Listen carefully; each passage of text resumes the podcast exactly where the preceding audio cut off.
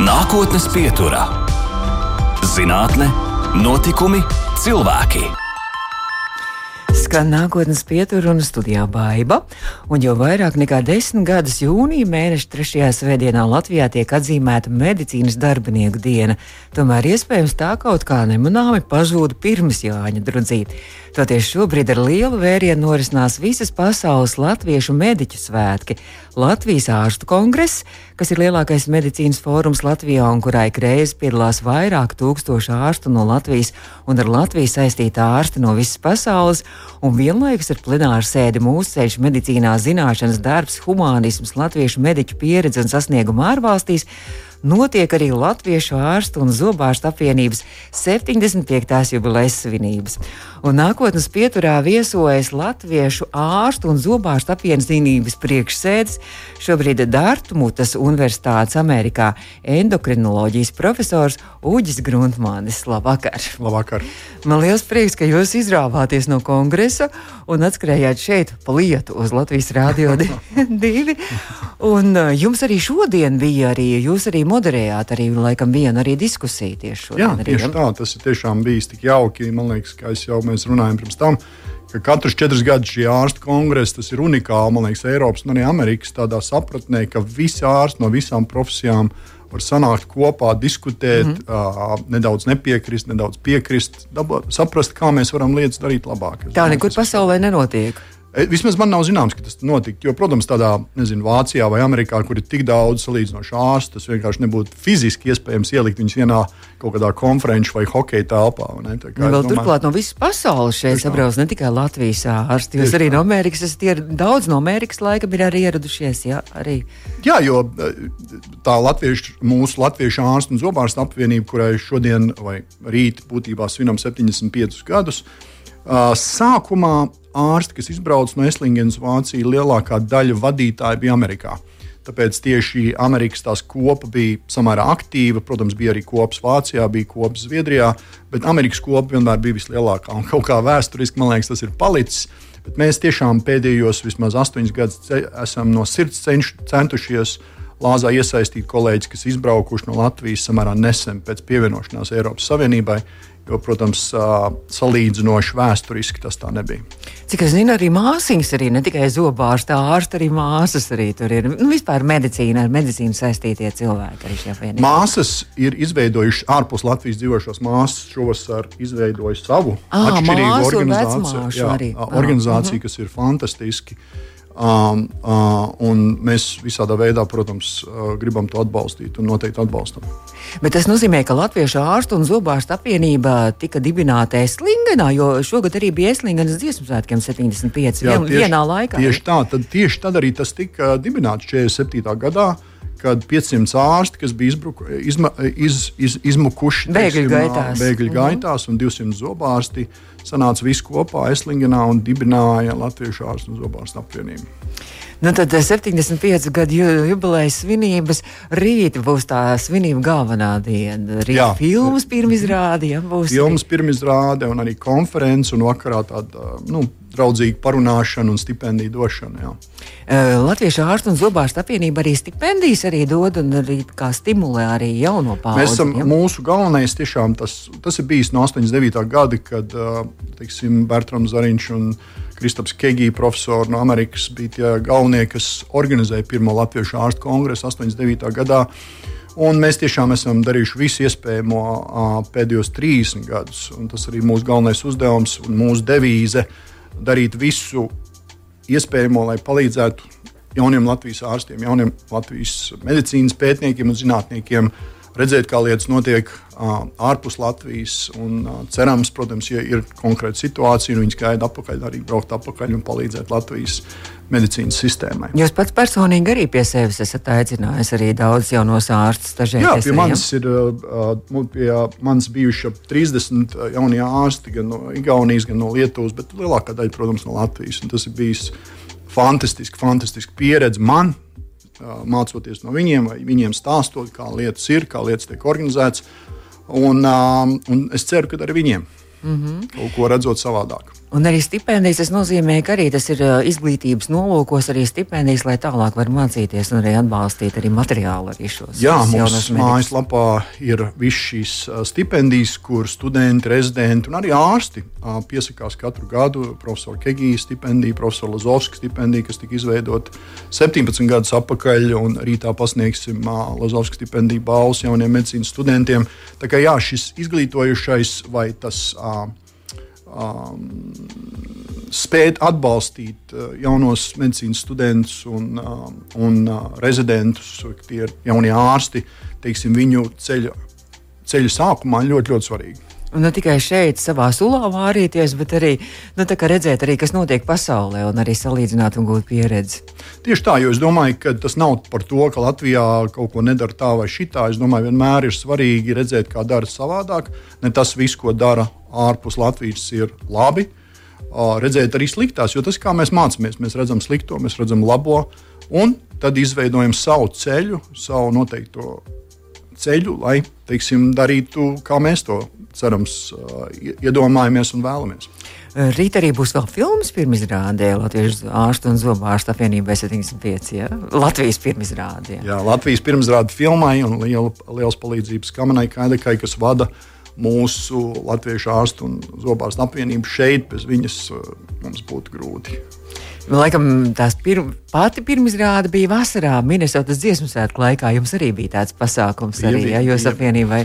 Katru reizi, kad notiek dziesmu svētki Ziemeļamerikā, vai tā, ja tā būtu Kanāda, vai Austrumkrasts, vai Rietumkrasts, mums arī tiem, kas konkrēti dzīvo Amerikā vai Kanādā, mēs sanākam kopā uz savu konferenci, pārunājam lietas, satiekamies, iedzeram malu arī pēc tam. Pavisam nesen ir notikusi arī pētījumu centra SKDS veikta aptauja, arī iespējams saistībā ar šo pasaules ārstu, Latviešu ārstu kongresu. Un, uh, tur izrādās tajā aptaujā, ka Latvijas iedzīvotāji uzskata, ka ārsta profesija ir pati prestižākā. Nu, tā liecina šie aptaujas dati. Un, uh, savukārt, paši ārsti savu mm, prof, mm, profesijas prestižu novērtējuši mazliet pieticīgāk. Tas ir par Latviju runājot, kā ir Amerikā. Es domāju, ļoti līdzīgi. Um, ārsta profesija uh, bija nesen aptauja, es, uh, man liekas, CNN vai Forbes. Uh, es tiešām precīzi vairs neatceros, bet uh, prasīja pacientiem vai prasīja cilvēkiem, kurām profesijām jūs visvairāk uzticieties. Un pirmā profesija bija medmāsas profesija, kam cilvēki uzticējās visvairāk. Ārsts bija starp 3 un 4 pozīciju. Tā kā, protams, ka mēs esam profesija, kas ir, uh, kam uzticās. Uh, neskatoties to, ka ir bijuši dažādi, teiksim, sevišķi Covid laikā, netik patīkamas lietas notikušas pasaulē, kad netic zinātnē, netic ārstiem, kas, manuprāt, ir būtu būtiski jāuzlabo.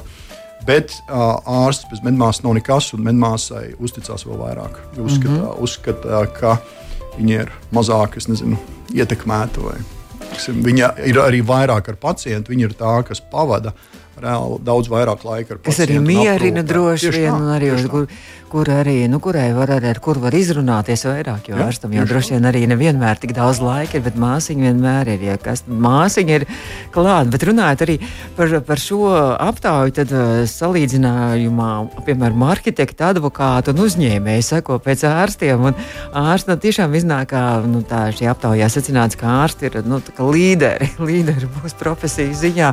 Um, vai jums arī šķiet, ka prestiži ir ārsta profesija?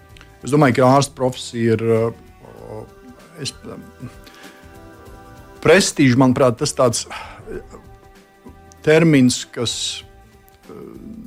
negribas salīdzināt ar uzņēmējiem vai advokātiem, bet es domāju, ārstiem kā mums ir unikāla iespēja redzēt sabiedrību pilnīgā šķērsgriezumā, no visnabadzīgākiem līdz pašiem turīgākiem. Tāda ir reti kurai profesijai. Un skaidrs, ka tas mums arī uzliek atbildību, jo skaidrs, ka mūsu ētikas kodeks un vispārējais nosaka, ka ārstēšana nevar būt atšķirīga no tā, kāds ir, kādu sabiedrības slāni mēs ārstējam. Un, uh, tas, protams, un, to, un uz to mums jācenšas darīt visu iespējamais, lai tas notiktu. Es domāju, ka ārsta ārst profesija vienmēr ir bijusi prestiža, un es ceru, ka mēs spēsim noturēt arī so, savu prestižu, jo tas nav tikai pagātne, tas ir ikdienas darbs, kā šo prestižu noturēt. Šodien jūs vadījāt diskusiju resursu trūkums, trūkuma izraisītās sekas veselības aprūpē, medicīniski un ētiskie aspekti. Jā, šodien mēs varījā, vadījām, es, es vadīju, kaut gan es saku, es vienmēr uzskatu to, ka tas ir tāds vairāk koleģiāls pasākums, nevis Nevis, teiksim, ir kaut kāds viens vadītājs. Kā man bija fantastiski diskutanti, gan Juris Bārziņš, gan Madara. Uh, Madara Freiberga no, no Anglijas, kas ir neiroķirurģijas māsa, un mēs kopā vadījām šo diskusiju. Jā, un kāds secinājums bija kaut kāda diskusijas rezultātā, kaut kas izkristalizējās? Diemžēl, par cik tā bija, tā bija diskusija, bet beig, beigās tas bija vairāk lekcijas monologs, monologs no viena vai otra vai trešā. Un, un arī, protams, kā jums šeit rādījot, tas laiks ir ierobežots. Es domāju, cilvēki pēc tam nāca klāt un mēs varējām parunāties. Un, ne, bet tā diskusija tik lielā zālē, un mēs sēžam uz skatuves, tā, mm -hmm. tas nav labs diskusiju formāts. Grūti iekustināt, ja ir kaut kā publika. Bet rīt arī jums būs plenārsēde, mūsu ceļš medicīnā, zināšanas, darbs, humanisms, latviešu mediķu pieredze un sasnieguma ārvalstīs. Jūs pats arī tur sāksiet un uzstāsieties uh, šajā visā. Jā, rītā būs tā mūsu, un paldies liels Latviešu ārstbiedrībai, kas uzņēma mūs un tiksim, pieņēma. Mēs katru, katrā ārstu šo Latviešu ārstbiedrības kongresu esam piedalījušies. Es domāju, nekad tik aktīvi kā, kā šoreiz. Kā paldies Latvijas ārstbiedrības valdei par iesaisti. Un, protams, mums ir 75 gadi, un par godu mm. šai uh, jubilejai mēs uh, stāstīsim. Mums ir atkal izcili runātāji, kas stāstīs par savu gājumu, par savu pieredzi uh, medicīnā citur. Mēs turpināsim mūsu rādījumu pēc brīža. Mūsu nākotnes pieturas viesis šodien ir Dārtmutas Universitātes endokrinoloģijas profesors Oģis Gruntmans. Un mēs droši vien parunāsim arī par jūsu profesiju, tieši par, par jūsu nozari, endokrinoloģiju. Nākotnes pieturā. Turpinām nākotnes pieturu šo raidījumu. Pēc tam varat noklausīties arī mūsu mājaslapā, audio saiti un arī podkāstu lielākajās vietnēs, audio saiti. Un šobrīd uh, nākotnes pieturā viesojas Dārtmutas Universitātes endokrinoloģijas profesors Uģis Gruntmanis. Un visai iespaidīgs CV, profesionālais varētu teikt tā. Jūs esat specializējies internā medicīnā un endokrinoloģijā Jēlas Universitātē, Rochesteras Universitātē, Amerikā, arī Kalifornijas Universitātē, Losandželosā bijis mācības spēks Teksasas Universitātē, Dallasā, asociētais profesors ar iekšķīgo slimību rezidentūras asociētais direktors, augsta riska osteoporozes servisa direktors un globālā servisa direktors iekšķīgo slimību klīnikā. Un droši vien vēl un vēl un vēl. Vienkārši fantastisks. Jūs, droši vien, ka jūs uzrādat kaut kur savu CV, tad visiem ir mutu vaļā. Nav tā. es, es domāju, ka lai uh, Amerikas Savienotās valstīs vai Rietumu valstīs nonāktu līdz tam profesora rangam, tas ir garš ceļš, grūts ceļš. Un es domāju, ka lielākajai daļai profesori ir uh, tādu pašu vai noteikti lielāku CV. Jā. Bet nu, es ielūkojos arī Dārtaņas Universitātes Endrija mājaslapā, un tur ir, nu, man piemēram, tā liekas, ka mums visiem latviešiem tas tā varētu būt lepnums, ka mēs, piemēram, lasām vērtējumus tādus cildinošus no jūsu pacientiem. Viens no labākajiem ārstiem, ko esmu saticis, vizīte pie ārsta Gruntmaņa bija vislieliskākā. Un jūs pats sakat, jā, ka jūs uh, faktiski esat laimīgs. Tā mēs varētu arī tulkot šajā mājaslapā par sevi. Jūs sakat, ka jūs laimīgi šajā esat akadēmiskajā vidē. Nu, tad runājot par endokrinoloģiju, ja mēs tā klausītājiem to skaidrojam, tad tas ir, varētu būt tas, kas nodarbojās ar cilvēka. Nu, ja, ja kaut kas kaita, piemēram, ar vairogu dziedari vai slikti guļu, vai, vai svars ir palielināts vai pamazināts, vai kaut kas nav ar hormonālo sistēmu kārtībā, tad, tad griežas pie endokrinologa un endokrinologs uh, ārstē ar citām metodēm, neko negriežot. Negriežot. Tā rūpīgi runā. negriežot. To, to, var, to var noteikti piekrist. Jā, endokrinologi noteikti negriež. Tas ir absolūti skaidrs. Jā, man tiešām aizrauta tā specialitāte jau tad, kad es mācījos Rīgas Tradiņu universitātē. Aizrāva ar to, ka ir tik daudzi šie um, hormoni ietekmē mūsu katru orgānu, katru sistēmu. Un nav tikai tu neesi atbildīgs par vienu orgānu, kā jūs teicāt, vairāk dziedzers un hipofīze vai hipofīzes audzēji, vai tās būtu virsnieres, jeb, teiksim, protams, insulīna, aizkuņa dziedzera insulīna problēmas, vai mana tā interese ir osteoporoze un kaulu lūzumi, ar ko es cenšos palīdzēt sakārtot šo sistēmu universitātes slimnīcā. Tā kā daudz šie orgāni un daudz šie hormoni savā starpā iedarbojas, un ir gan pozitīvi, gan negatīvi efekti. Un jautājums, kā, kā teiksim, labāk to diagnosticēt un ārstēt. Bet to kaulu lūzumus arī ietekmē ir vispārīga kaut kāda orgānu sistēma, vai, vai, vai vienkārši tas nevis tā, ka uz ielas iet vai kaut kur sportā, sporto sal, viens salauž un otrs nesalauž. Jā. Šis ir ļoti, ļoti svarīgs jautājums, jo dažreiz cilvēkiem liekas, ka kauls ir tāds stagnāt, stagnātisks orgāns, kur nekas nenotiek. Bet vienmēr, kad es student, studentiem, pacientiem saku, es saku, jūs neticēsiet, bet 35% mūsu kauls apmainās katru gadu. Un, teiksim, tas ir ļoti svarīgi jūsu klausītājām un klausītājiem, kad osteoporotisks lūzums notiek dzīves laikā vienai no divām sievietēm. 50%. Kad es uzstājos pacientu grupās, es saku, jūs saliekat Amerikā kopā sievietes, kurām bija infarkts, insults un krūts vēzis. Tik daudz lūzumi notiek no osteoporozes. Un kas ir osteoporotisks lūzums? Ja jau, kā jūs teicāt, ja jūs ejat pa ledu vai tepat mm. Rīgas doma laukumu, protams, ne jūs, bet pacients. Iet un nokrīt, un ir lūzums, automātiski ir jābūt diagnozei osteoporoze. Ja tas netiks diagnosticēts, tad būs nākošais lūzums, nākošais un nākošais. Un pats pēdējais bieži vien ir saucamie gūžas lūzumi, kur, ja pacients ir vecāks, tad iznākumi ir ļoti slikti un um, dzīves kvalitāte un dārdzība uh, saistīta ar visu to, kas, kas notiek pēc šī lūzuma. Ir, um, ir, uh, tas daudz sabiedrībā izmaksā. izmaksā. Daudz lētāk ir noķert sievieti, kur ir nokritusi un salauzusi pirmie lūzumi. Parasti ir šie, šie apakšdēma lūzumi, kad nokrīt tas ir teiksim, nedaudz pēc 50 vai vēlos 50 ja to noķer un sāk ārstēt osteoporozi šiem sievietēm un arī vīriešiem, vīriešiem nedaudz retāk, bet vīriešiem arī, tad mēs varam novērst visus šos gūžas lūzumus. Muguras kompresijas lūzums un pārējās lietas. Ko tas nozīmē? Tas nozīmē, ka ar gadiem kauli kļūst trauslāki, vai vienam kļūst trauslāki, un citam ne, nekļūst trauslāki. Kāds visiem, ir iemesls? Pilnīgi visiem kļūst trauslāki kauli. Es vienmēr pacientiem saku, tas, vai jums būs lūzums, atkarīgs no trim lietām cik ir jūsu kaula stiprums, teiksim, tādī, um, uh, kad ir visstiprākais kauls, tas notiek ap 35 gadiem. Cik ātri jūs pazaudēsiet šo kaulu atkarībā no tā, cik teiksim, tiek lietots vitamīns D un kalcijs, un cik aktīvi jūs esat un kādus medikamentus jūs lietojat, un tad cik ilgi mēs dzīvojam. Jo, ja mm -hmm. mēs padomājam 150 gadus atpakaļ, cilvēku vidējā dzīvības bija 45, osteoporozes nebija. Oh, tā ir jauna slimība. jauna, tā ir, teiksim, mēs dzīvojam ilgāk. Kvalitatīv, kvalit, kvalitatīvāk, un, protams, par cik uh, sabiedrība noveco, tā, protams, ir uh, viennozīmīgi novecošanas slimība. Mm -hmm. Kā ar to var cīnīties? Kaut kāda profilaks ir, kā var prognozēt, kad tā, kad tā sākas, kad iestājas? Nē, teiksim, parasti teiksim, cilvēkiem, kam nekas nekaiš, kuriem nav lielas reumatoloģiskas saslimšanas, ja kuģa zarnas drakta vai nieru vai aknu saslimšanas, katrai sievietei vajadzētu veikt kaulu blīvumu, izmērīt 65 gadu vecumā. Ja nesmēķē, ja nav šie pārējie riska faktori, ja smēķē un ir pārējie riska faktori, tad 50 gadu vecumā. Bet vienmēr, vienmēr, vienmēr mums ārstiem iet visgrūtāk ar sievietēm, vīriešiem, kas jau salauzuši kaulu. Mēs neko nedarām, un brīnamies, ka viņi atkal lauž. Bet tas nozīmē, ka uh, tad, ja kaut ko mēs esam salauzuši, mēs ejam pie ķirurga, lai mūs tur saliek kopā un ieliek ģipsī. Vai, bet, bet, bet tad nākamā vizīte ir pie endokrinologa jādodas. Jā, tieši tā. Uh, tas ir tas dažreiz citās slimnīcās to nodarbojas. Pieņemsim, reumatologi Amerikā vismaz šeit, manuprāt, to nodarbojas vairāk tikai endokrinoloģija.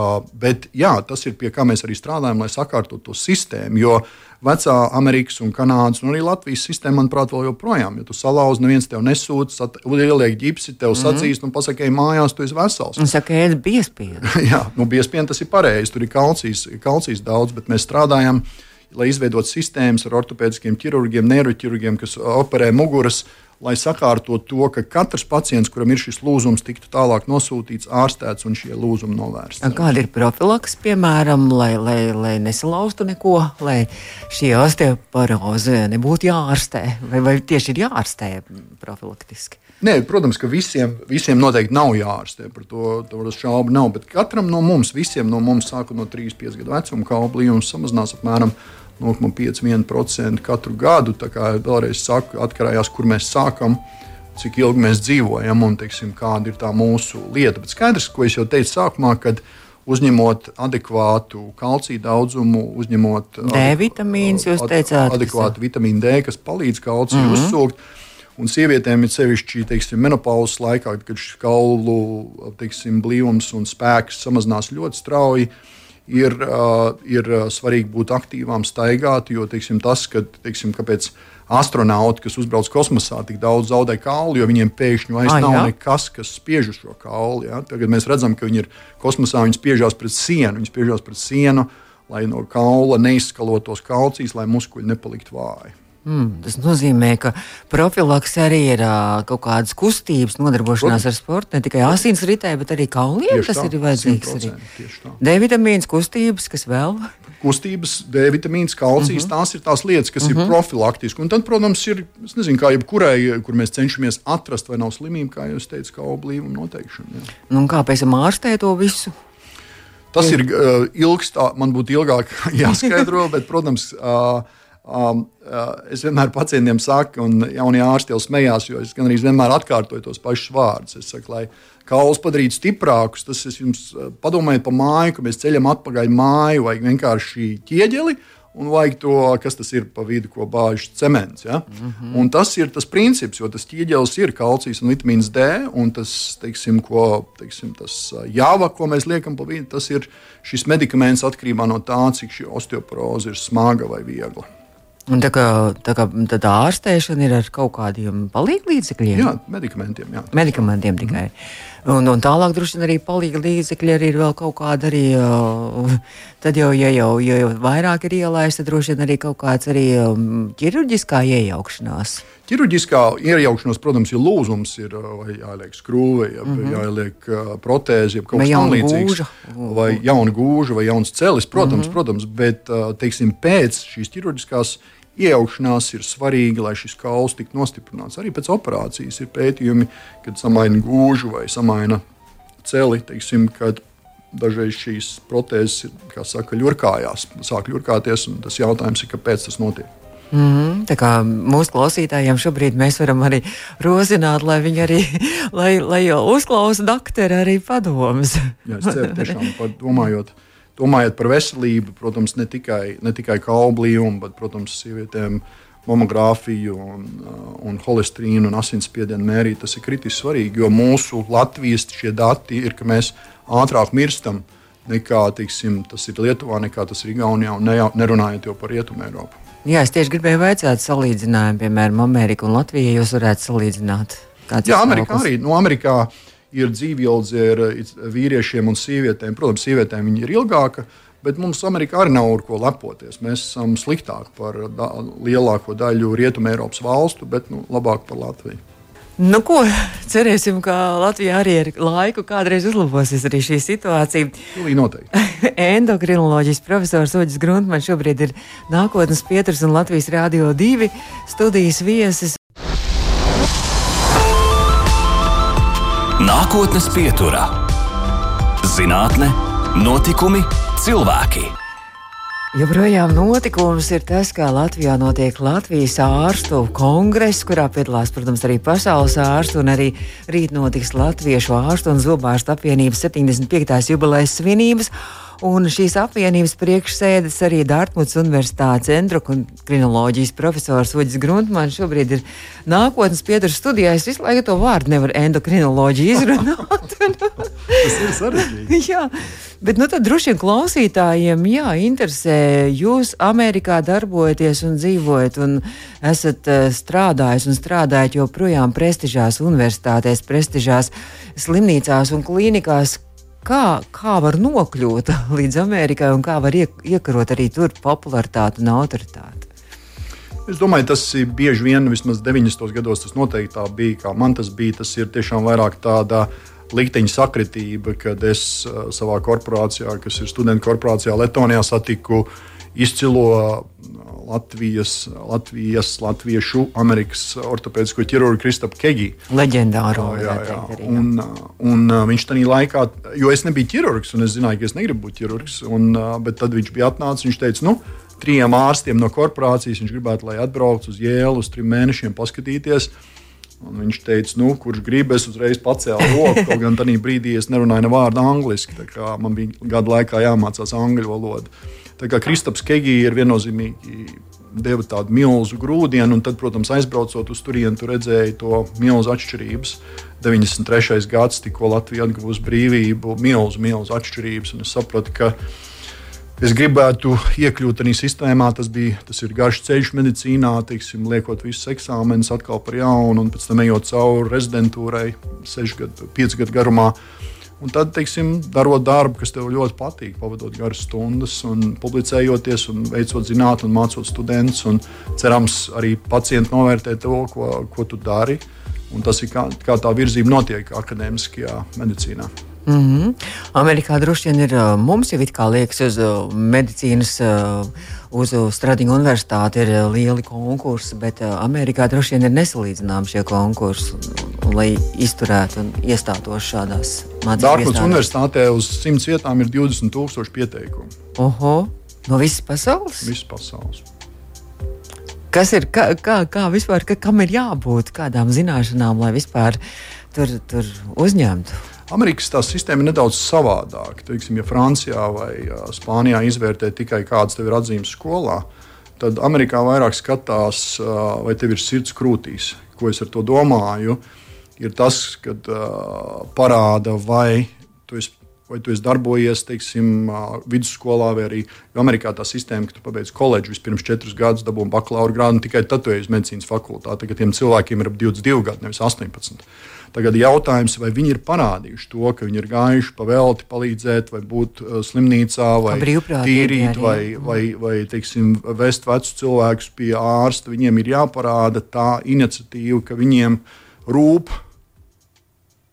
Tā Tas, ir tā lielākā domāju, atšķirība starp kā, kādā veidā mēs Eiropā uzņemam medicīnas studentus, ko būtībā uzreiz pēc augstskolas kādas tev nu ir atzīmes, tad tu tiec iekšā. Un, uh, Amerikā arī sākuma posmā skatījās tikai uz atzīmēm, bet tad sapratu, ka uh, ir daudziem ļoti, ļoti gudriem cilvēkiem, protams, ir sar grūtības sarunāties ar pacientu un saprast pacientu. Un tāpēc šis sociālais moments ar vien vairāk tiks, nu, vismaz noteikti tiek būtiski ņemts vērā uzņemšanas, uzņemšanas periodā. Tas nozīmē, ka arī ka ārstam ir ilgāks laiks arī pacientam jā, jāvēlt, jo mēs zinām, ka arī nu, tikko arī Amerikā tas pats arī bija Covid laiks, kad bija bezgalīgi daudz pārslogoti mediķi, ārsti arī paši ar izdegšanu, arī uh, sirga. Un, un, un, un tas nozīmē, ka, ka vienkārši nu, ka, ka, ka nevar atvēlēt tik daudz laika pacientiem.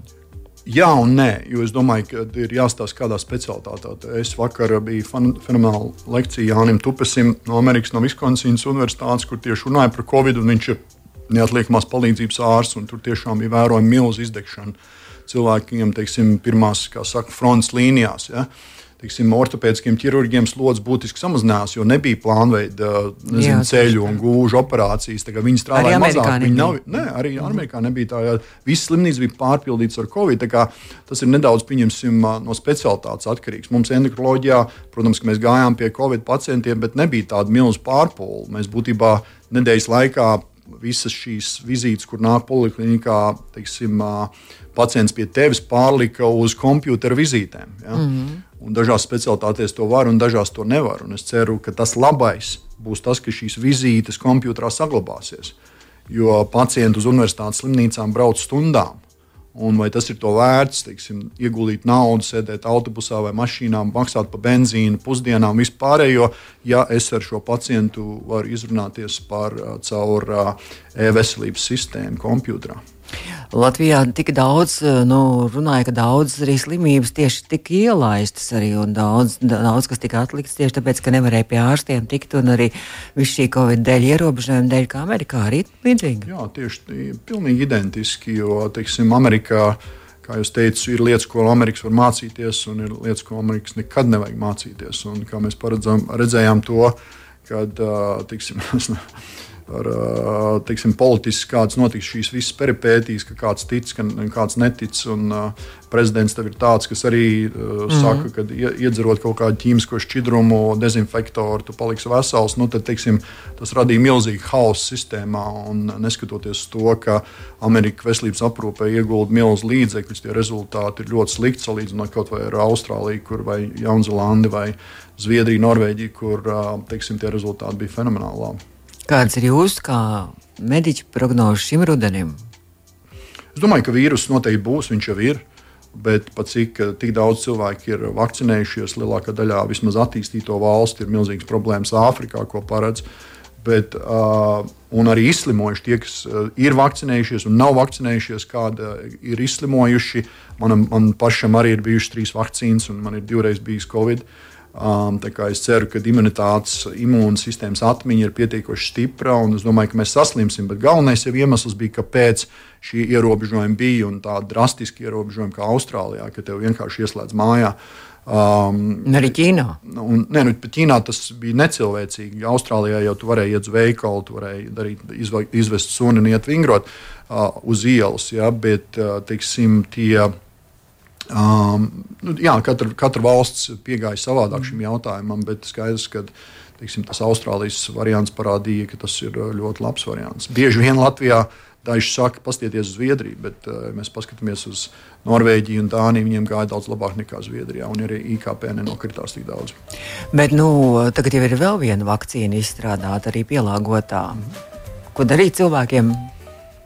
Es, uh, es personīgi to pat neapdomāju. Man jau ir teiksim, nedēļa pēc tam, kad es atbraucu, ir, es esmu uh, nolicis, kad man ir vakcinācijas diena. Man ir tā pašā dienā gan gripas vakcīna, gan arī covid vakcīna. Es domāju, tas ir. Tas būs, nezinu, kad jūs atpakaļ Amerikā būsiet. Jā, jā, ja ceturtā vakcīna. Jā, tas, jā tieši tā. Es domāju, tā būs tā saucamā endēmiskā vakcīna. Tas vīrus jau nepazudīs. Es domāju, ja mēs negribam saslimt, tad, vai saslimt viegli, tad es domāju, šī vakcīna ir jāņem. Runājot mazliet par citu tēmu, pārlecot, jūs, jūs bijāt bobslējā, jūs bijāt pilots vai jūs bijāt stūrmanis? Nē, es, biju, vai tas... es, biju, es biju vājš stūrmanis. O, es atvainojos, pilots vai tas, tas stūmējs, stūmējs, jā, stūmējs, jā, stūmējs. Jūs bijāt, jā, jā. jā. Bobslēgs arī jums ir bijis jāsaka, no sporta veidiem. Jā, da, jūs esat arī daudz arī ar, ar mūziku arī nodarbojies arī savulaik. Jā, jā pabeidzu Saldus muzikas skolu un spēlēju trompeti. Un, uh, diemžēl tikai nu, lai dabūtu dāvanu Ziemassvētkos, vēl joprojām nosmēlēja kādu dziesmu. Tagad trompeti nav ierūsējusi un nevar putekļi. Es nesen pasūtīju trompeti no Japānas, uh, Yamaha trompeti. Mm. Viņi ražot manā dzimšanas gadā, 68. gadā. Es varu, cerams, ka varēšu nedaudz vairāk paspēlēt. Nākamajos Ziemassvētkos, kas būs jau pavisam drīz, tad varēs uz jaunās trompetes uzspēlēt. Arī esat dziedājis arī koros. Arī, ja, Dziedāju arī dažādos uh, koros un skolas korī, protams, un dejoja tautas dejas. Jā, es centos.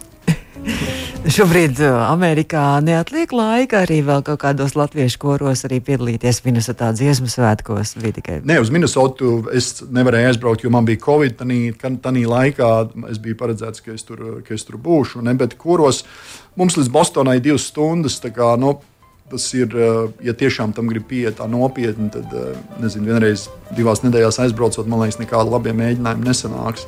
Nu, bet visiem vilinājums nākošās vasaras dziesmu svētki. Tā, jā, jā, tas, ir, tas ir saviļņojums liels, un mēs ļoti ceram, es ļoti ceru, ka mēs arī būsim klāt vismaz kā skatītāji, ja dabūsim biļetes, jo, kā zinām, biļetes ir vienmēr grūti dabūt. Mm. Tad jau redzēsim. Bet jūs vispār ar Latviešu sabiedrību arī komunicējat, vai tikai jūs esat šobrīd savā mediķu lokā, arī tikai Amerikā? Nē, es domāju, ka uh, mēs uh, ļoti daudz, mums ir, protams, sirsnīgi draugi un daudz draugi. Gan, uh, manai sievai, gan man. Mēs, mēs esam mācījušies šeit, mēs pazīstam daudz arī uz to gadu, kad mēs pārvācāmies šeit. Tas bija tik jauki, visus atkal, mm -hmm. visus atkal satikt. Un, es domāju, mēs nekad to saiti, mums tā saite, es domāju, nekad nav, nekad nav samazinājusies. Mm -hmm. nu, jācer, ka varbūt kādreiz, kādreiz atgriezīsieties, jo galu galā Latvijai, protams, ka mēs lepojamies, ka mūsu gudrie prāti arī pasaulē ļoti kotējas, bet, protams, ka mēs arī gribam, lai, lai viņi arī eh, mūsu valstī arī atgriežas. Vienmēr jācer. Jā. Vienmēr jācer. Dārtmots Universitātes eh, profesors Uģis Grundmans, arī Latviešu ārstu un zobārstu apvienības priekšsēdis. Tātad rīt jums ir skaista svētku diena, visas Jā. dienas garumā. Mm -hmm. Bet uh, tad šodien mēs sakām paldies, ka jūs izbrīvējāt laiku, jo ārstu kongresa ir ļoti daudz, daudz, daudz notikumu un daudz pienākumu jums. Mēs arī atvadāmies. Izskan nākotnes pieturā.